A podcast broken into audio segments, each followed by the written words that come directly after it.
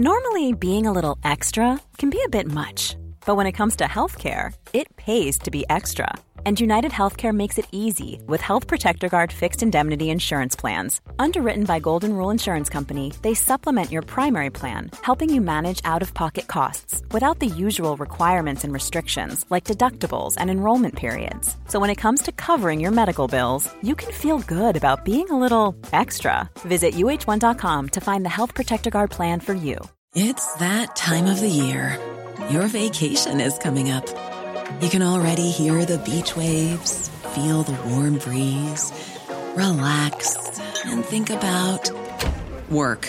You really, really want it all to work out while you're away. Monday.com gives you and the team that peace of mind. When all work is on one platform and everyone's in sync, things just flow wherever you are. Tap the banner to go to Monday.com. Many of us have those stubborn pounds that seem impossible to lose, no matter how good we eat or how hard we work out. My solution is PlushCare.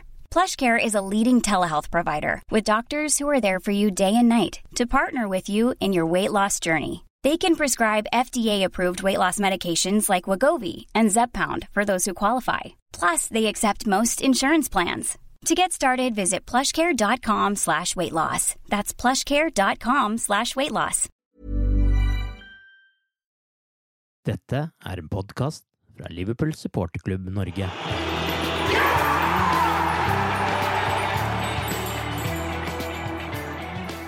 Dette er en The Cop-Out dokumentar. Jeg heter Mari Lunde, og dette er historien om Merseyside Derbyet. Hvem er Liverpools største rival? De siste par årene har det rent sportslig sett vært Manchester City som har vært den største rivalen. Men et ordentlig rivaleri sitter dypere enn hvem som er den største utfordreren på banen. Når terminlista for en ny sesong blir publisert, titter nok de fleste norske Liverpool-supportere etter kampene mot Manchester United. For lokale supportere er det litt annerledes. Gareth Roberts fra The Anfield Rap er en av de som snakker høyest om Everton, og som elsker å erte på seg de blåkledde supporterne.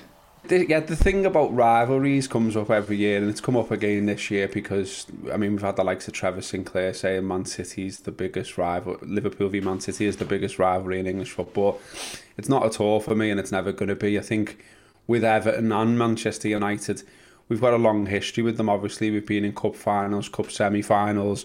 We've gone to the wire for league titles and things like that. Not just recently, but historically. So I think th- there's a much bigger history, and, and obviously got the, the geography with Everton as well. I mean, I think that's why I still look for Everton first. I think because I live in the city, I work in the city, I've got mates in the city, and, and believe it or not, I have actually got mates who are Evertonians, and and I want to beat them. I want to beat them every single time, and I want Liverpool to be better than Everton at everything. So not just football, like like you know, fair play to Everton. Everton are good in the community. I think most people would say that in the city. But I want Liverpool to be better. And I know that's daft and I know it's like quite childish, but that's what that's a side of the football that I've always enjoyed. Like and why wouldn't you? You know, like even when I was in school, I can remember us arguing about with Evertonians about, you know, they had a scoreboard and we didn't and, you know, our floodlights are better. You know, what what anything and everything really was always an argument. But it, it wasn't like you know, you weren't at each other's throats. It was it was quite friendly, but it was a laugh. But equally, you wanted to get one over them. You know, you'd you'd say we had the better songs, the better players. We've obviously had the better record in terms of winning trophies and winning derbies. There's no two ways about that. And look, it's been quite miserable, hasn't it, to be an Evertonian? I think, um, you know, I was actually the best man at an Evertonian's wedding, and I, and I made the whole speech about him being an Evertonian. That's why he's so miserable because you know, I think it's uh, it's over 10 years since they've won a derby now. They haven't won at Anfield since 1999. I mean, that must be horrendous. You know, like when you're continually getting stick off Reds, you just want to win once so you can give something back. And look, one day that will happen, and I'm primed for it. I've, I've dug a big hole that I'm going to jump into when it happens.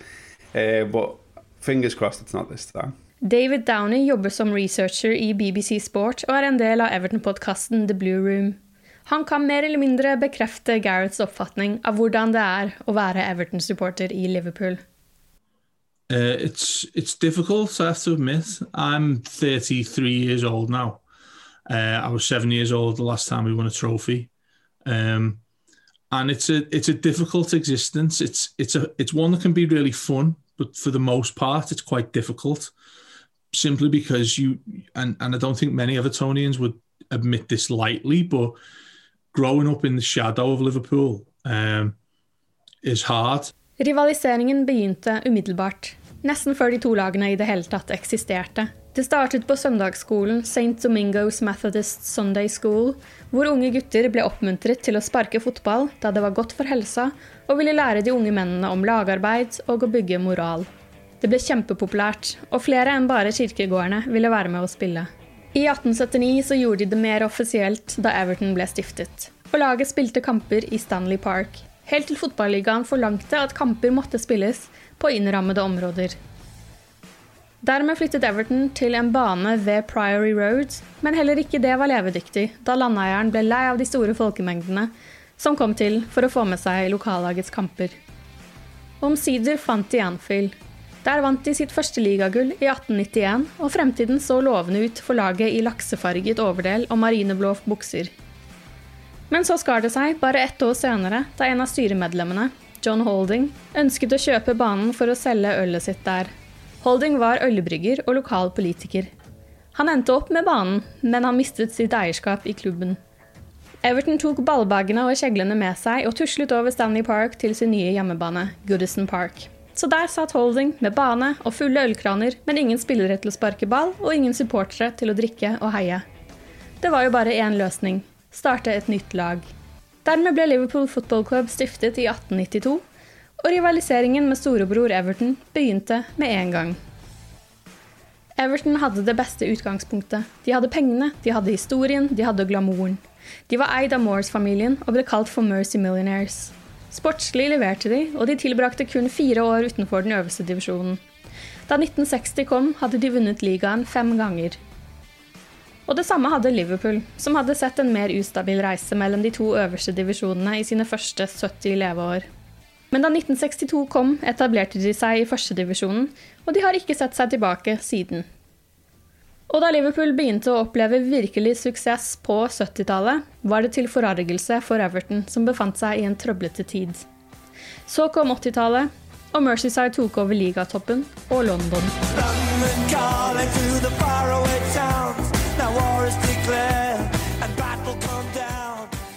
Mellom 1981-82-sesongen og 1987-88-sesongen forlot ikke ligagullet Mercyside. Liverpool vant de første tre årene, før pokalen gikk frem og tilbake over Stanley Park. Men det var ikke bare i ligafotballen de to lagene hevdet seg. Everton tok seg til fire FA Cup-finaler på 80-tallet. To av dem mot Liverpool, som var i tre finaler det tiåret. I tillegg møttes de i ligacupfinalen i 1984, som måtte spilles over to runder etter at det første oppgjøret på Wembley endte målløst. Liverpool hadde vært i tre ligacupfinaler det tiåret før de møtte Everton, og hadde vunnet alle. De slo også Everton på Main Road før de tapte mot Arsenal i 1987. Det var Liverpool som gikk seirende ut av alle møtene på Wembley, men bildene fra London på 80-tallet er helt herlige.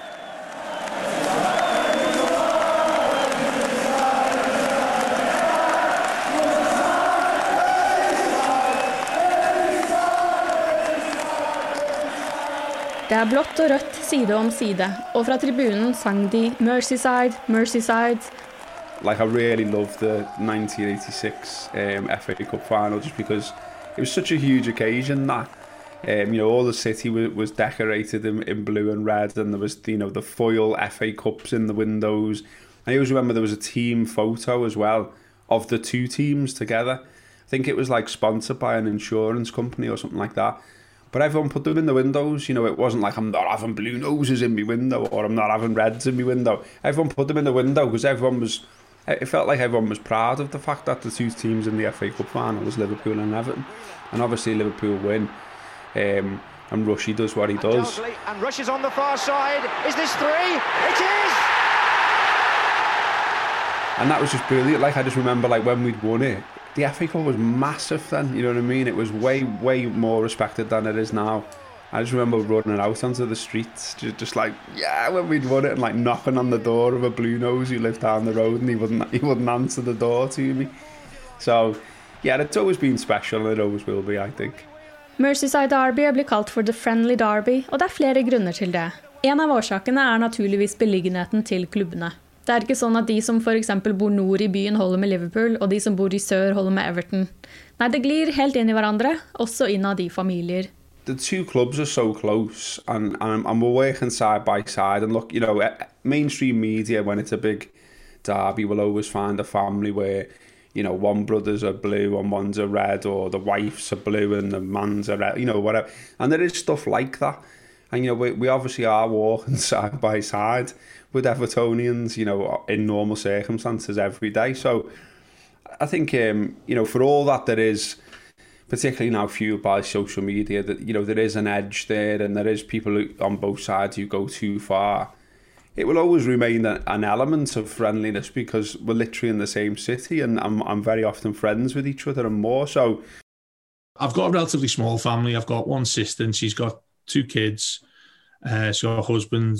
She's a red, he's a red, and the two kids are reds. And I mean reds, like serious reds. On my side, my dad's a blue, um, but he, I, he lives somewhere else now, so I don't really class him as that part of that. So you know, you call family you see all the time.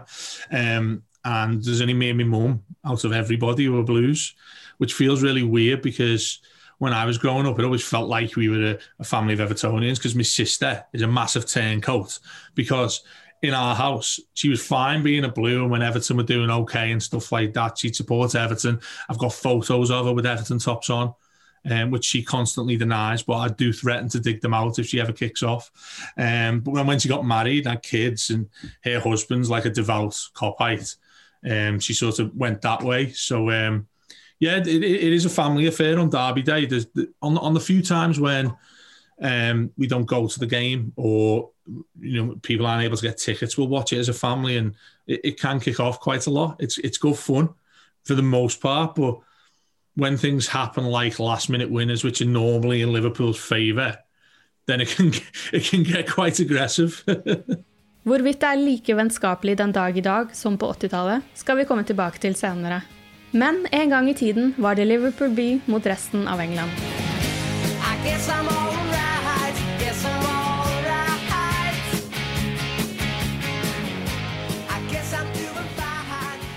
Liverpool var en gang sentrum av universet.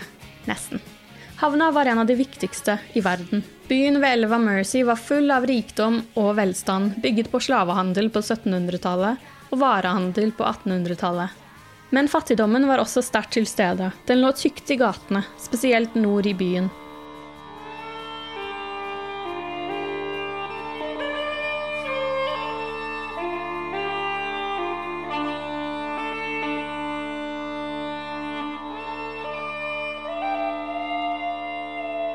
Hungersnøden i Irland på midten av 1800-tallet fikk en million desperate irrer til å flykte fra ødelagte potetavlinger, og mange emigrerte til Liverpool før de kastet seg på en av mange skip som reiste fra Liverpools havn over Atlanteren og til USA.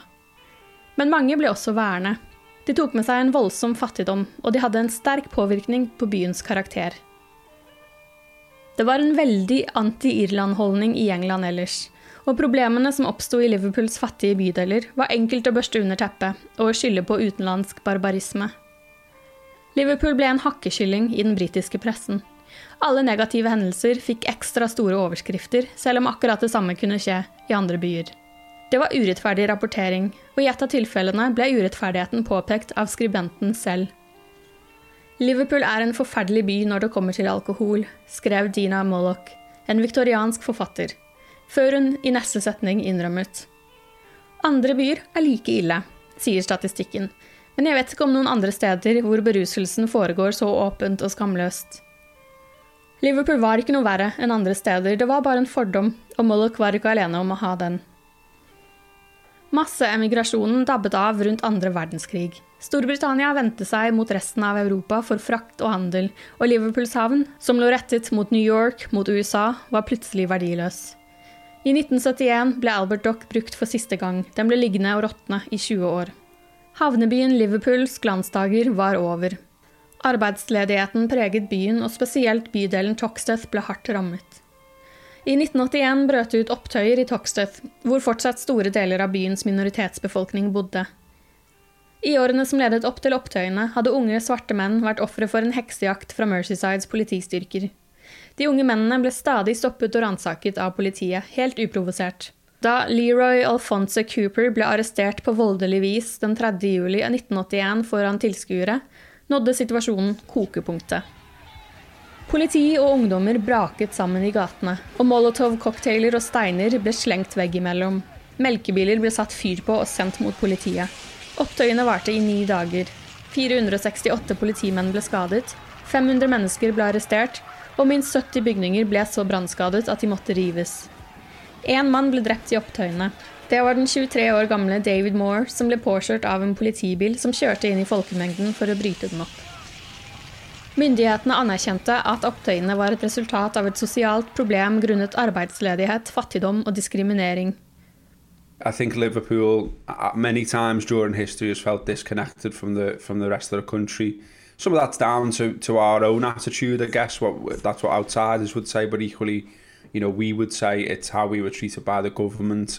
You know, you've seen the government documents where they talk about managed decline for the city and and things like that. So, yeah, and unemployment was through the roof, obviously, in 80, in the eighties, and people living through that time did feel like the city had been abandoned and forgotten about. So going to London, going to the capital together as a group, I think that's what that is why they were doing it. Yeah, because you know you, you had similar where you know it became a story that you know Liverpool fans didn't sing, stroke, booed the national anthem. Well, that happens for the same reason because that's seen as England's anthem, not ours. And, and there's a reason that that rolls on through generations, and it's because we feel mistreated as a city, and people say that's chippy or you've got something on your shoulder about it or whatever, but it's also a fact. I mean, where I live, you know, and I'm going for plenty of walks during lockdown, I walk through what was the International Garden Festival of, of 1984. Well, the reason that was stuck there was because of the state of Liverpool. It was like, you know, Heseltine, etc., wanted something to give Liverpool some hope again, and, and that was to bring the tourists into the city and give some hope. And but the reason it needed some hope is because it had been abandoned for so long. I mean, you know, you look at the Albert Dock these days and it's beautiful and it's brilliant and we're all really proud of it. But if you watch Boys from the Black Stuff from the 80s by Alan Bleasdale, you know, there's George's last ride in there, I think is the episode. And he's going through the Albert Docks and it's dilapidated, the windows are smashed, it's mud banks, it, it was left. Mm. And, and so much of the city was like that during the 80s. So th- th- there was a feeling of well, what about us and what's happening with us? And you know, the football was an escape, and when everyone when everyone escaped to London, they wanted to get the point across, and I think they did. Michael Hasseltine ble gjort til Minister of Merseyside og startet en rekke initiativer for å rette opp i den sosiale uroen. Konservative Hasseltine kjempet Liverpools sak i parlamentet i en tid da innbyggerne følte at myndighetene hadde snudd ryggen til byen. Regjeringspapirer som ble frigjort i 2011, avslørte at Margaret Thatchers regjering vurderte å nærmest legge ned hele Liverpool by etter opptøyene i 1981. Under et regjeringsmøte ble den såkalte jernkvinnen fortalt at den usmakelige sannheten var at det ikke var mulig å stoppe forfallet i Mercyside-området. Å bruke mer penger i området var som å forsøke å pumpe vann i en oppoverbakke. Og byen var den hardeste nøtten å knekke. Det var bedre å la være å bygge den opp igjen. Men Hasseltine, en konservativ, eller Tory som man kaller det i dag, ble Liverpools helt og kjempet Liverpools sak. Hasseltine forsøkte å få 100 millioner pund årlig til å investere i Liverpool, men det ble avvist. I stedet fikk han tilbud om 15 millioner pund. Ett år etter Toxteth-opptøyene sto det i en leder i tabloidavisen Daily Mirror at man burde bygge et gjerde rundt Liverpool og ta inngangspenger, for dessverre hadde byen blitt en oppvisning på alt som har gått galt i Englands store byer. Pressedekningen Liverpool by fikk, var elendig, og den skulle bare bli enda verre. On the 29th of May 1985, British soccer hooliganism reached its all-time low. Liverpool supporters began a running battle against Italian followers of Juventus at the European Cup final in the Heysel Stadium in Brussels. The result was horrific. For så skjedde Heysel-tragedien. Den 29. mai 1985 møttes Liverpool og Juventus i Europacupfinalen på Heysel Stadium i Belgia. Der døde 39 fotballsupportere da en vegg kollapset etter opptøyer mellom de to lagsupportere inne på stadion. 32 italienere, fire belgere, to franskmenn og en mann fra Nord-Irland omkom. Liverpool FC hadde på forhånd protestert mot valget av falleferdige Heysel stadion som finalearena, bl.a. fordi det var et stort område avsatt til nøytrale fans, der billetter havnet i hendene på fans fra begge klubber via belgiske svartebørshaier. Det nøytrale området bak det ene målet, som bare var skilt fra Liverpool-supporternes seksjon med hønsenetting, ble fylt opp med en stor andel Juventus-fans. Stemningen ble etter hvert amper mellom rivaliserende supportere, og det ble kastet gjenstander fra begge leirer, før Liverpool-fansen stormet mot Juventus-fansen. Kaos rådet, og Juventus-supporterne flyktet mot utgangen. Det var da den ene veggen på det falleferdige stadionanlegget kollapset over dem pga. presset mot utgangen, og 39 supportere omkom.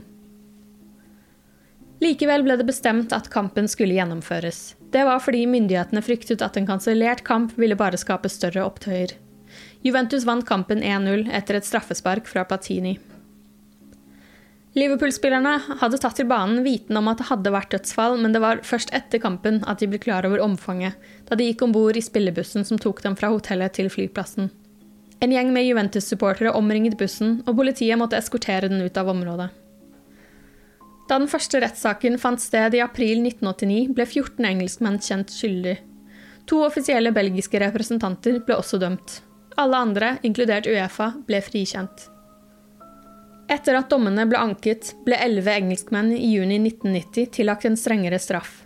Uefas generalsekretær Hans Bangerter ble gitt en tre måneders suspensjon for å ha medvirket til det fatale utfallet. Ingen måtte imidlertid sone en eneste dag av straffen, da de hadde sittet inne lenge nok i påvente av rettssaken. For Liverpool FC var det, og er fortsatt, en av de mørkeste dagene i historien. Og det som skjedde i Brussel, hadde en stor påvirkning på Everton. Statsminister Margaret Thatcher bestemte seg umiddelbart for å utestenge alle engelske klubber fra europeiske turneringer, det før man i det hele tatt hadde fått muligheten til å undersøke de underliggende årsakene til at det som skjedde, skjedde. Bare 48 timer etter at kampen var ferdig, valgte et presset FA å trekke engelske lag fra alle europeiske turneringer. Uefa ba etter hvert om det samme, og klubbene ble utestengt på ubestemt tid. Liverpool Football Club godtok naturligvis det, men de andre engelske klubbene som hadde kvalifisert seg til å spille i Europa, tok avgjørelsen til retten. Men de fikk ikke medhør. Det gjaldt bl.a. Everton. Etter flere år med protester ble det i april 1990 bestemt at de engelske klubbene utenom Liverpool fikk komme tilbake igjen. Fra 1991-92-sesongen fikk også Liverpool delta i Europa. Everton gikk glipp av to mesterligaeventyr. Som ligavinner i 1984-85 og igjen i 1986-87 kunne de ha stilt med det som mange regnet som Europas beste lag i den gjeveste turneringen. De hadde aldri hatt en bedre sjanse til å vinne Mesterligaen enn i 1985-86-sesongen, men fikk ikke muligheten til å prøve seg engang. Likevel var det ikke et utbredt sinne rettet mot naboklubben på den tiden. Thatcher ville ha oss ut av Europa. Hun ville ikke at arbeiderklassefolk skulle skape problemer i utlandet. Det var en annen agenda som ikke hadde noe med oss å gjøre. Jeg er overbevist om at hvis hun ikke hadde blandet seg, hadde vi fått spille i Europa. Det sa Everton-målvakt Neville Southall til Tony Evans i boka Two Tribes. If you're looking for plump lips that last, you need to know about Juvederm lip fillers. With Juvederm Volbella XC and Juvederm Ultra XC, your lip look, whether it's subtle or bold, can last up to one full year with optimal treatment and no additional maintenance. Find a licensed specialist and see if it's right for you at Juvederm.com today. That's J U V E D E R M.com. Add fullness to lips in adults over 21 with Juvederm Volbella XC or Juvederm Ultra XC. Do not use if you have severe allergies or a history of severe allergic reactions, or if you're allergic to lidocaine or the proteins used in Juvederm. Tell your doctor if you have a history of scarring or taking medicines that decrease the body's immune response or that can prolong bleeding. Common side effects include injection site redness, swelling, pain, tenderness, firmness, lumps, bumps, bruising, discoloration, or itching. As with all fillers, there's a rare risk of unintentional injection into a blood vessel, which can cause vision abnormalities, blindness, stroke, temporary scabs, or scarring. For full important safety information, visit juvederm.com. Ready to pop the question? The jewelers at BlueNile.com have got sparkle down to a science with beautiful lab grown diamonds worthy of your most brilliant moments. Their lab grown diamonds are independently graded and guaranteed identical to natural diamonds, and they're ready to ship to your door. Go to Bluenile.com and use promo code LISTEN to get $50 off your purchase of $500 or more. That's code LISTEN at Bluenile.com for $50 off. Bluenile.com code LISTEN. Hi, I'm Daniel, founder of Pretty Litter. Did you know cats tend to hide symptoms of sickness and pain? I learned this the hard way after losing my cat, Gingy. So I created Pretty Litter, a health monitoring litter that helps detect early signs of illness by changing colors, saving you money and potentially your cat's life. Pretty Litter is veterinarian developed, and it's the easiest way to keep tabs on your fur baby's health right at home. Go to prettylitter.com and use code ACAST for 20% off your first order and a free cat toy. Terms and conditions apply. See site for details. Millions of people have lost weight with personalized plans from Noom, like Evan, who can't stand salads and still lost 50 pounds. Salads, generally, for most people, are the easy button, right? For me, that wasn't an option. I never really was a salad guy. That's just not who I am. But Noom worked for me. Get your personalized plan today at Noom.com. Real Noom user compensated to provide their story. In four weeks, the typical Noom user can expect to lose one to two pounds per week. Individual results may vary. Hey, Dave. Yeah, Randy. Since we founded Bombas, we've always said our socks, underwear, and t shirts are super soft. Any new ideas? Maybe sublimely soft. Or disgustingly cozy. Wait, what? I got it. Bombas. Absurdly comfortable essentials for yourself and for those facing homelessness. Because one purchased equals one donated. Wow, did we just write an ad?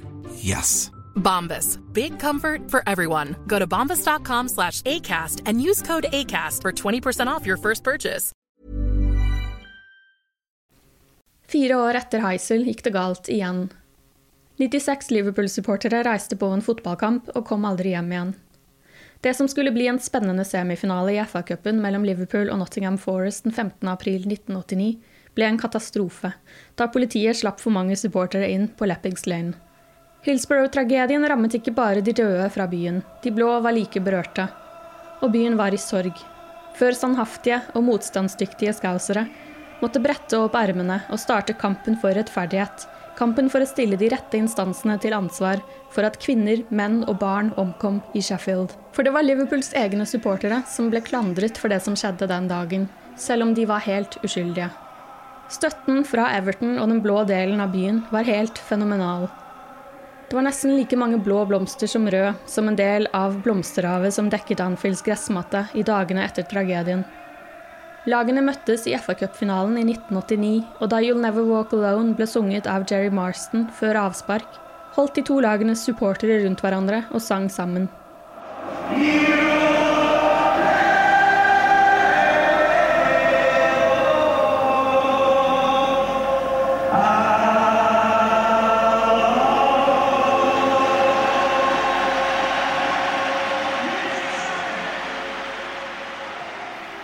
2012, etter at Hillsborough Independent Panel slapp sin rapport, og statsminister David Cameron endelig ga en unnskyldning til Liverpools supportere, gjorde Everton et av de mest minneverdige markeringene så langt for en kamp mot Newcastle. To maskotter, en ung jente i Everton-drakt med nummer ni på ryggen og en ung gutt i rød Liverpool-drakt med nummer seks på ryggen, ledet spillerne ut på banen. De holdt hender, samtidig som He Ain't Heavy, He's My Brother ble spilt på Goodison Park. Goodison Park salutes the ongoing fight for justice by the families, the friends and the supporters. We stand united.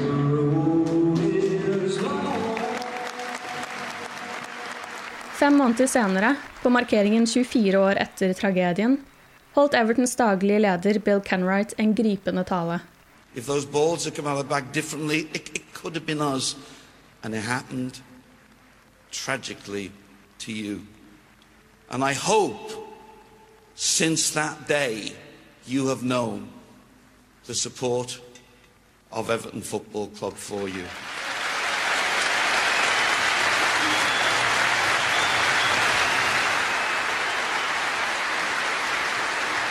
Thank you.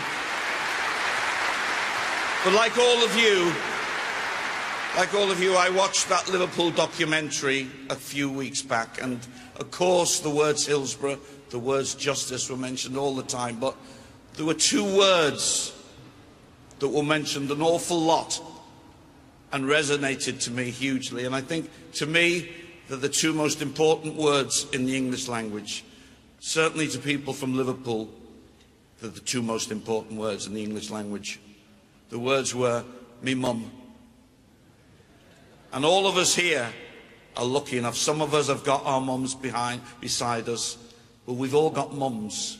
And I saw your banner on Saturday at Reading saying, You've taken on the wrong city. Well, you've taken on the wrong mums too, because we all know about Liverpool mums and the way they fight for their kids and their family. Everton holder fortsatt minnemarkeringer for de omkomne når kampdagen faller den 15. april. De har deltatt på minnestunder på Anfield, og på 25-årsdagen for tragedien holdt også manager Roberto Martinez en rørende tale. What happened after wasn't right or fair either. To have to fight for the good name of the ones you lost was appalling. But as my chairman said a year ago, the authorities took on the wrong city if they thought they were going to get away with that.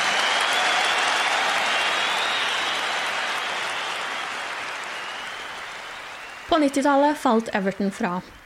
Det gjorde for så vidt Liverpool også, som gikk inn i en ganske traus periode etter at de vant ligaen i 1990, med unntak av en FA-cupseier i 1992 og ligacupen i 94-95.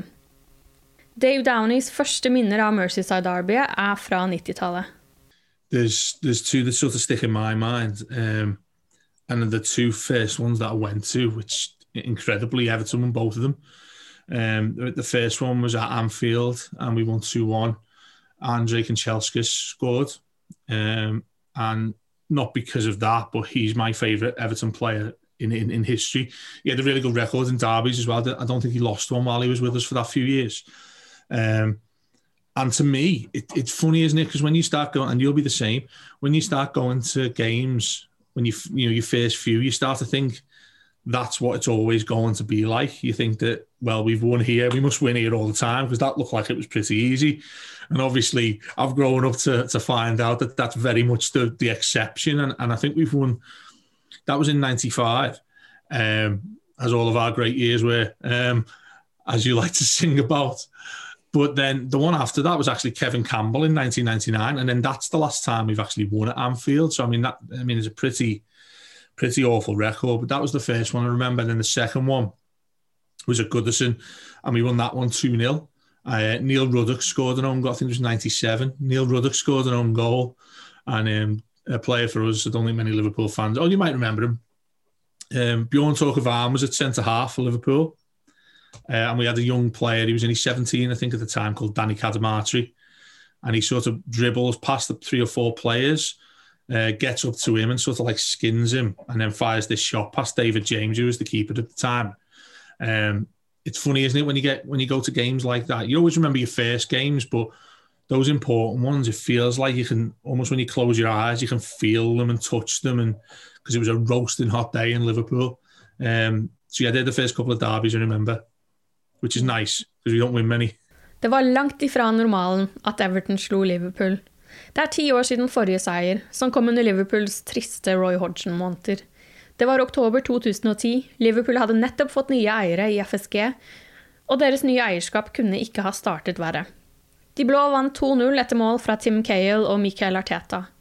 På pressekonferansen etter kampen uttalte Roy Hodgson at å få et resultat her på Goodison Park var ren utopi.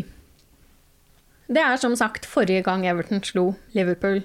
Evertons supportere har rett og slett blitt litt vant med at ting ikke går deres vei, og det har gitt utslag i litt forskjellige personlighetstyper, skal vi tro Dave Downey.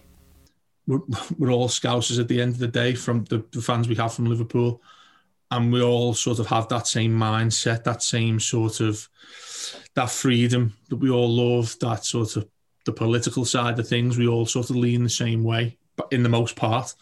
Um, and, and I do like that. I think where the differences come in, Liverpool have an expectancy and, and many Evertonians would call it a feeling of entitlement towards success because of the, I mean, basically the, the most successful club.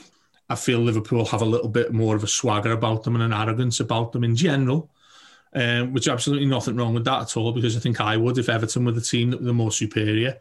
Um, I think Evertonians are a little bit more, little bit more sort of humorous, uh, and I think we have to be, to be honest, because it's been that difficult.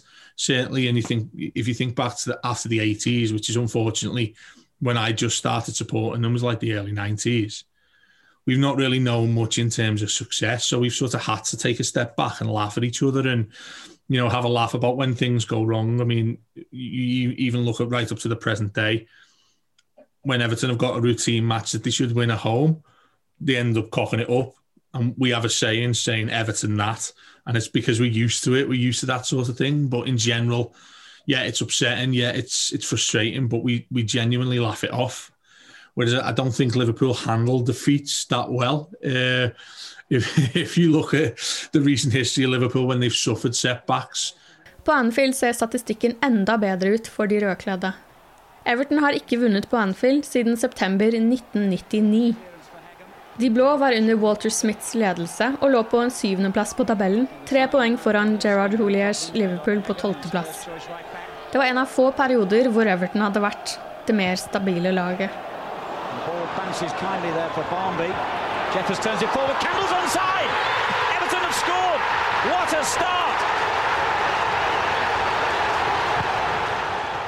Everton tok ledelsen etter fire minutter med en scoring fra Kevin Campbell. I ettertid tok Liverpool-midtstopper Jamie Carriger skylden for målet. Til Sky Sports for noen år siden fortalte han at han burde ha gjort bedre, og hans posisjonering gjorde at Campbell var onside. Jeg hadde en veldig dårlig kamp, og jeg glemmer den aldri, sa Carriger. Carrigers fotballsko hadde vanligvis seks eller syv pigger under, men i pausen hadde han bare to igjen på høyrefoten. Han sklei rundt som en villmann, og det var siste gang han brukte Rebook-støvler. Etter det tidlige målet kunne Everton lene seg tilbake og ta Liverpool på kontringer i stedet, men temperaturen på banen var skyhøy. Etter 75 minutter ble Evertons Francis Jeffers og Liverpool-keeper Sander Westerwell begge utvist etter en krangel hvor de måtte rives fra hverandre. And he and Vesterveld have an angry clash, and they're both going to be in trouble here. Well,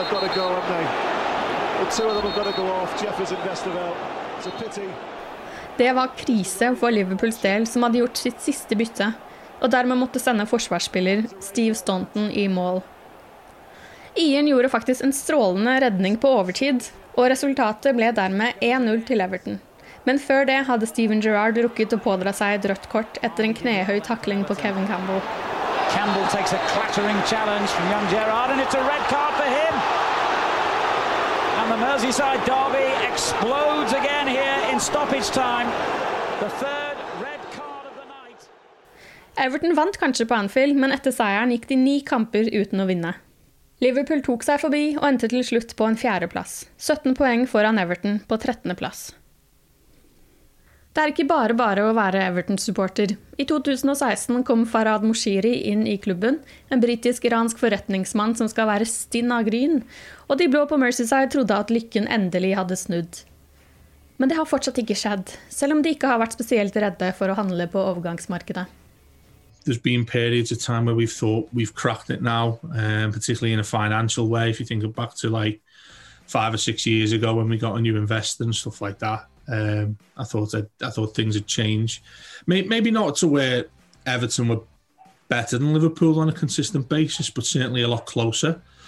But it's it, it, in general, it's it's hard. It's a hard life as an Evertonian. If you if you're passionate about your football in our city, and you don't support the team that's winning everything, it's it's it's it's a hard thing to comprehend. I mean, for the years when Liverpool sort of got so close, or in the years when Liverpool weren't anywhere near as successful as they've been in the last couple of years, it was a little bit easier. But even then, Liverpool would still win a cup, or they'd still win like the Champions League in 2005 out of nowhere.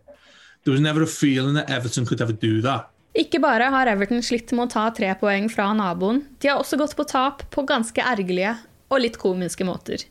Som da Divock Origi skrev seg inn i hjertene på de fleste Liverpool-supporterne med et mål i det 96. minutt i desember 2018. You've got to talk about Origi Um, and Pickford's mistake and Origi putting that one in because that was just unbelievable. That was something I don't think I'll ever see again. It's one of the funniest moments I've ever seen in football. And like, came out to Van Dijk. It's uh, actually it's led to Origi. That's absolutely amazing. Look at Jurgen Klopp, the daftest derby goal of all time, and it's won the day for Liverpool. And this place has gone berserk. Someone in the away end threw like a purple I think it was meant to be blue, but it was more purple flare onto the pitch, and it was almost. I remember saying to me, mate, "Oh look at that! It's almost like they're celebrating a draw." And then next minute, Pickford does what he does. Origi's on it, and it's in the back of the net, and the, Kop just went off, and it was it was unbelievable, and it was like again, if, if you try and flip it and think about them, I and I have done. I just think what must it have been like to be in the Annie Road that day and be an Evertonian? You must have been gutted. You thought you got a point and you would have been happy with a point and then that happens and you, you saw that coming you know like Virgil spooned the shot hasn't he that's how it got there and he sort of turned away in disgust and then next minute it's in the back of the net absolutely unbelievable so that that was brilliant I love the 5-2 as well just because it's such a convincing scoreline of course but also because I remember the walking to the ground that day and the team that Klopp put out we were like what's he doing you know, like, does he not respect the derby here? Like, why, why has he picked? Why has he picked an understrength team? You know, you had Shaqiri in there, you had Origi in there, and and it felt a bit like he was sort of, you know, almost not respecting the derby. And then next minute we'd won it five two, and we were all walking out afterwards saying, "What was it you were saying about Klopp? Oh, genius, lad, yeah." The Friendly Derby er ikke alltid så veldig vennlig. Det har surnet litt med årene. Utestengelsen fra Europa kom på absolutt verst tenkelig tid, og man kan nesten ikke klandre de blå for å ha litt bitre følelser, selv den dag i dag. There is obviously, you know, a, a darker side to it all now. I think, um, you know, some of the younger fans, perhaps on both sides, take it a little bit too far. Um, think, you know, lose sight of what is banter, if you like, and what isn't. I hate the word banter, but it's a, it's a word that is used to excuse you know, more extreme behaviour at times. And we have seen that from both sides around the derby. And, and for all that, I will give it loads about Everton for the rest of my life because that is what a rivalry is. Equally, there's a line, and I think everyone should recognise where the line is. Men det er ikke bare ungdommene som kan ta det for langt. Jeg har noen naboer som bor på hver side av huset mitt, og de er ikke lenger på talefot. Dette er to menn i slutten av 60-årene, én er rød og én er blå. Og det har vært noen diskusjoner opp igjennom, og de har som oftest bare vært ertende og morsomme. Men for et års tid siden gikk det en kule varmt. Da brukte min blå nabo Heisel-kortet mot min røde nabo. Den røde naboen min var på Heisel i 85 og på Hillsborough i 89, og å trekke menneskelige tragedier inn i fotballpraten, det er å ta det for langt. De har ikke snakket sammen siden. Det er rett og slett en ganske annerledes atmosfære rundt Mercyside Derby den dag i dag, sammenlignet med det vi så i London på 80-tallet.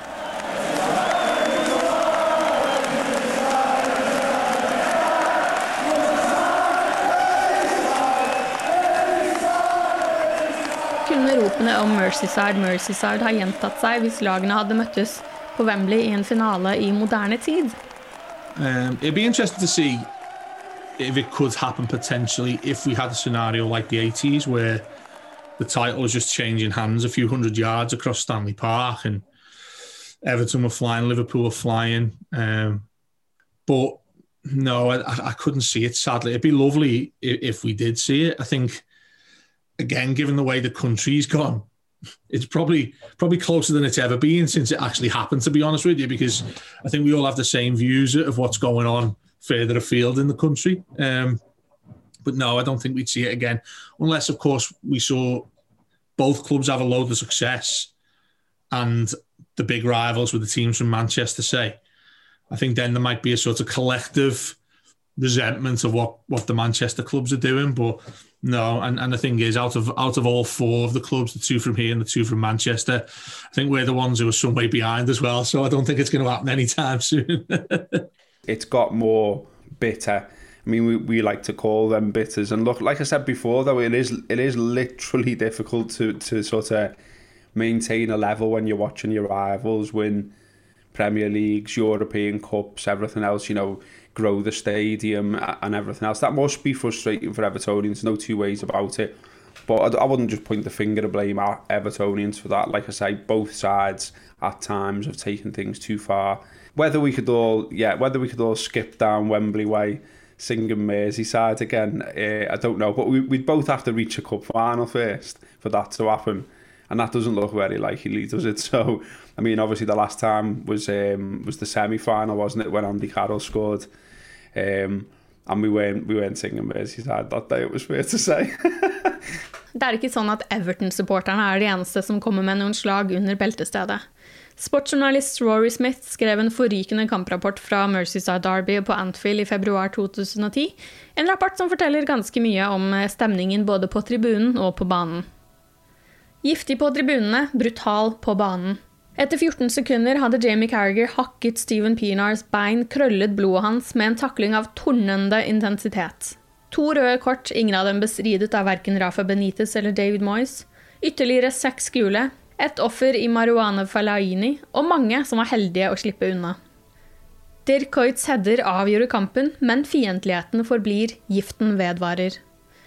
Det var det for det vennlige Derbyet. Ethvert håp om en kamp som ville tilfredsstille puristene, forsvant allerede før Carriager satte tonen for oppgjøret på Anfield. På The Cop var det et banner hvor det sto Staua Bucuresti i 1986. En henvisning til vinnerne av Europacupen det året Everton ble forhindret å delta pga. Heisel-tragedien. Som en gripende påminnelse om 25 år med sinne mellom de to settene av supporterne. De første ropene om 'murderers' kom kort tid etter. Liverpools historie forteller at rød og blå pleide å sitte sammen, at familier kunne dra på enten Anfield eller Goodison Park i fred og harmoni. Ikke nå lenger. Ikke på lang sikt. Evertonians, believe it or not, did used to come onto the cop, and equally, you know, we used to go over there and and go on, go in their stands, and you know, it was doable then. I mean, you know, don't get me wrong, you still got stick and stuff, but it wouldn't absolutely go off. Um, and I, I just always remember there was a game uh, where I seen a lad in the Kop who was an Evertonian and he stood up on one of the barriers and he was like giving it, you know, giving it loads, pointing at me, going on about Everton to me. And as as all this happened, the the game kicked off, and he still had like a big grin on his face, and he was still in this position on the bar, sort of raised above most people. And Liverpool scored in the first minute, and I just remember seeing his face sink, and I was just like, yes. so that that that was glorious, just to see an Evertonian go from you know on top of the world to absolute despair in a matter of seconds. Da Liverpool gjestet Goodison Park i 2016, rullet de ut et svært banner i borteseksjonen. Happy 21st sto det på det enorme bursdagskortet. From your successful neighbors. Supporterne holdt fargerike ballonger.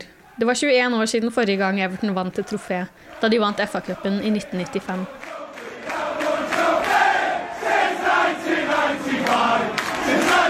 You know, but some of the stick I think is is funny. Like you know, the the right side of it's good. Like you know, going to Everton, going to Goodison Park with a big birthday cake to congratulate them on uh, not winning a trophy for so long and and things like that. You know, that that's the good side of it.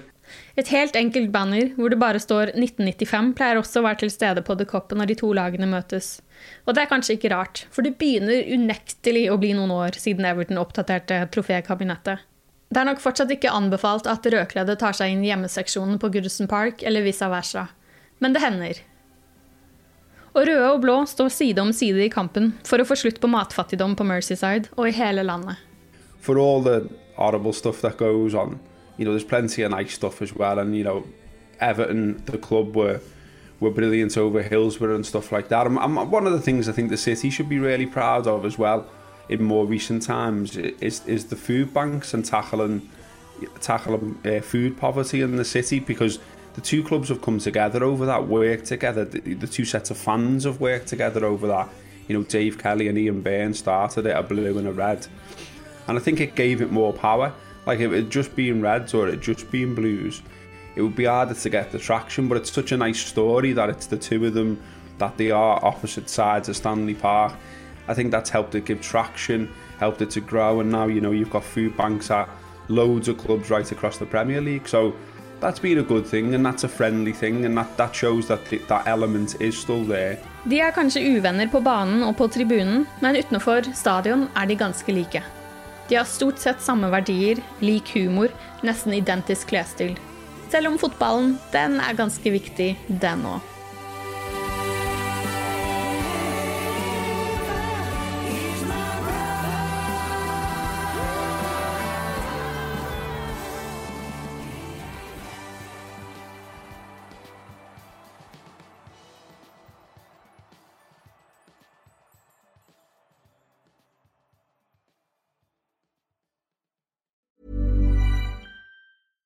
Flexibility is great. That's why there's yoga. Flexibility for your insurance coverage is great too. That's why there's United Healthcare Insurance Plans. Underwritten by Golden Rule Insurance Company, United Healthcare Insurance Plans offer flexible, budget friendly coverage for medical, vision, dental, and more. One of these plans may be right for you if you're, say, between jobs, coming off your parents' plan, turning a side hustle into a full hustle, or even missed open enrollment. Want more flexibility? Find out more about United Healthcare Insurance Plans at uh1.com. Planning for your next trip? Elevate your travel style with Quince. Quince has all the jet setting essentials you'll want for your next getaway, like European linen, premium luggage options, buttery soft Italian leather bags, and so much more. And it's all priced at 50 to 80% less than similar brands. Plus, Quince only works with factories that use safe and ethical manufacturing practices. Pack your bags with high-quality essentials you'll be wearing for vacations to come with Quince. Go to quince.com slash trip for free shipping and 365-day returns. Hi, I'm Daniel, founder of Pretty Litter. Cats and cat owners deserve better than any old-fashioned litter. That's why I teamed up with scientists and veterinarians to create Pretty Litter. Its innovative crystal formula has superior odor control and weighs up to 80% less than clay litter. Pretty Litter even monitors health by changing colors to help detect early signs of potential illness. It's the world's smartest kitty litter. Go to prettylitter.com and use code ACAST for 20% off your first order and a free cat toy. Terms and conditions apply. See site for details.